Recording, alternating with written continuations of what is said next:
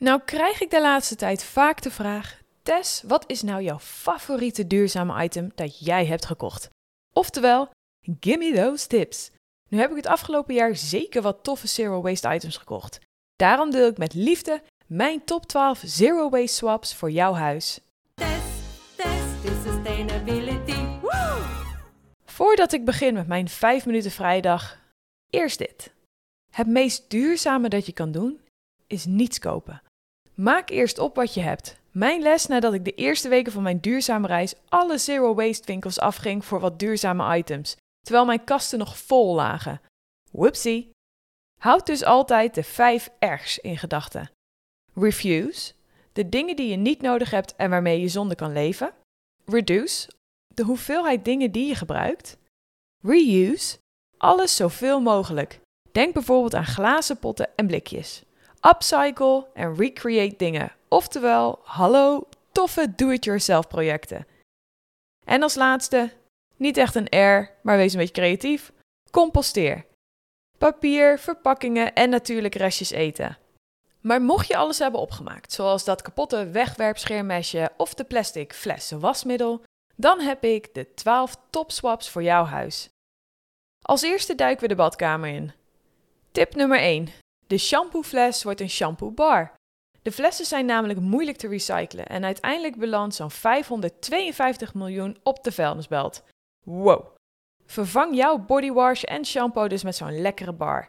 Ik ben zelf fan van die van Lush. En eh, dat geglibber in de douche, daar ben je wel aan. Sort. Nummer 2. Wattenschijfjes. Met twee maal per dag mijn gezicht reinigen met een kantoenen wattenschijfje in zo'n plastic verpakking heb ik de switch gemaakt naar wasbare pads. Nummer 3. Deodorant.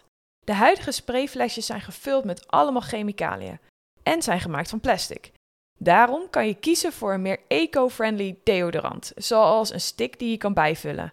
Of voor de echte creatievelingen onder ons, me, kan je hier een tof do-it-yourself project van maken met slechts een paar ingrediënten. Nummer 4. Het scheermesje. Wegwerpscheermesjes worden gemiddeld zo'n 5 à 7 keer gebruikt. Voor die gladde beentjes betekent dat je in een jaar een enorme berg scheermesjes hebt gebruikt.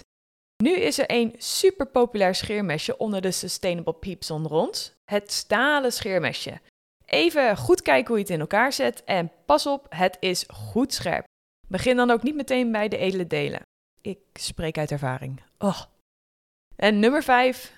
De plastic borstel voor de haren wordt een bamboeborstel.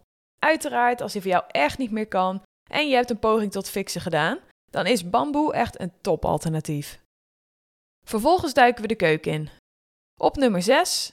Het keukenpapier. In mijn ogen totaal onnodig en zonde van de bomen. Het alternatief is namelijk easy peasy like lemon squeezy, de wasbare doekjes. Nummer 7. Bakpapier. Met dank aan Emily van Leven zonder afval, aflevering 2 seizoen 1, heb ik de switch gemaakt naar een siliconen en dus wasbare mat voor in de oven. Ideaal, supersnel schoon te krijgen en ik verslend niet meer twee witte papiertjes per dag. Dan de glazen potten voor granen en meel. In plaats van alles in kleine hoeveelheden uit pakjes uit de winkel te kopen, probeer ik nu, zoveel mogelijk, met mijn glazen potten naar winkels te gaan waar ik het in bulk kan bijvullen. Denk bijvoorbeeld dan aan bakken granen of bakken meel, misschien ook wat thee, wat je gewoon in je eigen potten kan bijvullen. In heel veel winkels zie je tegenwoordig ook de Zero Waste sticker, waarbij wordt aangemoedigd dat je dus je eigen verpakking meeneemt. Dit is met dank aan Eliza van Zero Waste Nederland. Tevens een hele leuke aflevering om terug te luisteren. Al deze potjes zijn niet alleen super duurzaam, het staat ook nog eens super tof in je keuken. Vervolgens hebben we de compostbak. Oké, hij staat niet letterlijk in de keuken.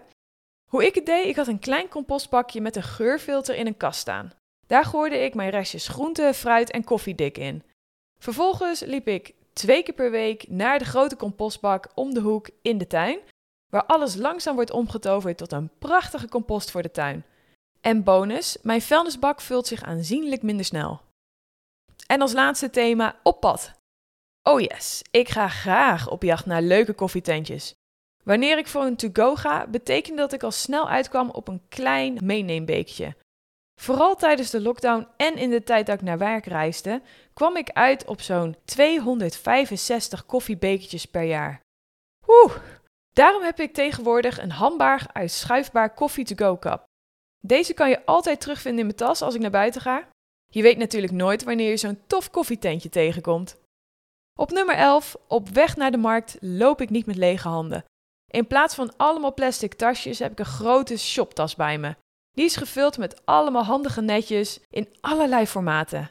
Ook hierbij dank aan Emily van Leven zonder afval. Als laatste, nummer 12, een klein maar fijne lifehack. Het rietje. Oh yes, voor mijn komende reis heb ik een handig stalen rietje aangeschaft. Geen plastic of kartonnen rietje voor mij, maar een handig herbruikbaar stukje staal. Lekker! Dat waren ze dan, mijn top 12 handige zero waste shops. Kan jij ook wel zo'n swap gebruiken? Werp dan eens een blik op levenzonderafval.com voor producten of zerowastenederland.nl voor meer zero waste inspiratie. Welke zero waste swaps hebben jouw leven een stukje groener gemaakt? En heb je nog andere leuke online shops of offline shops die wij moeten weten? Deel het met mij via Instagram at test2sustainability.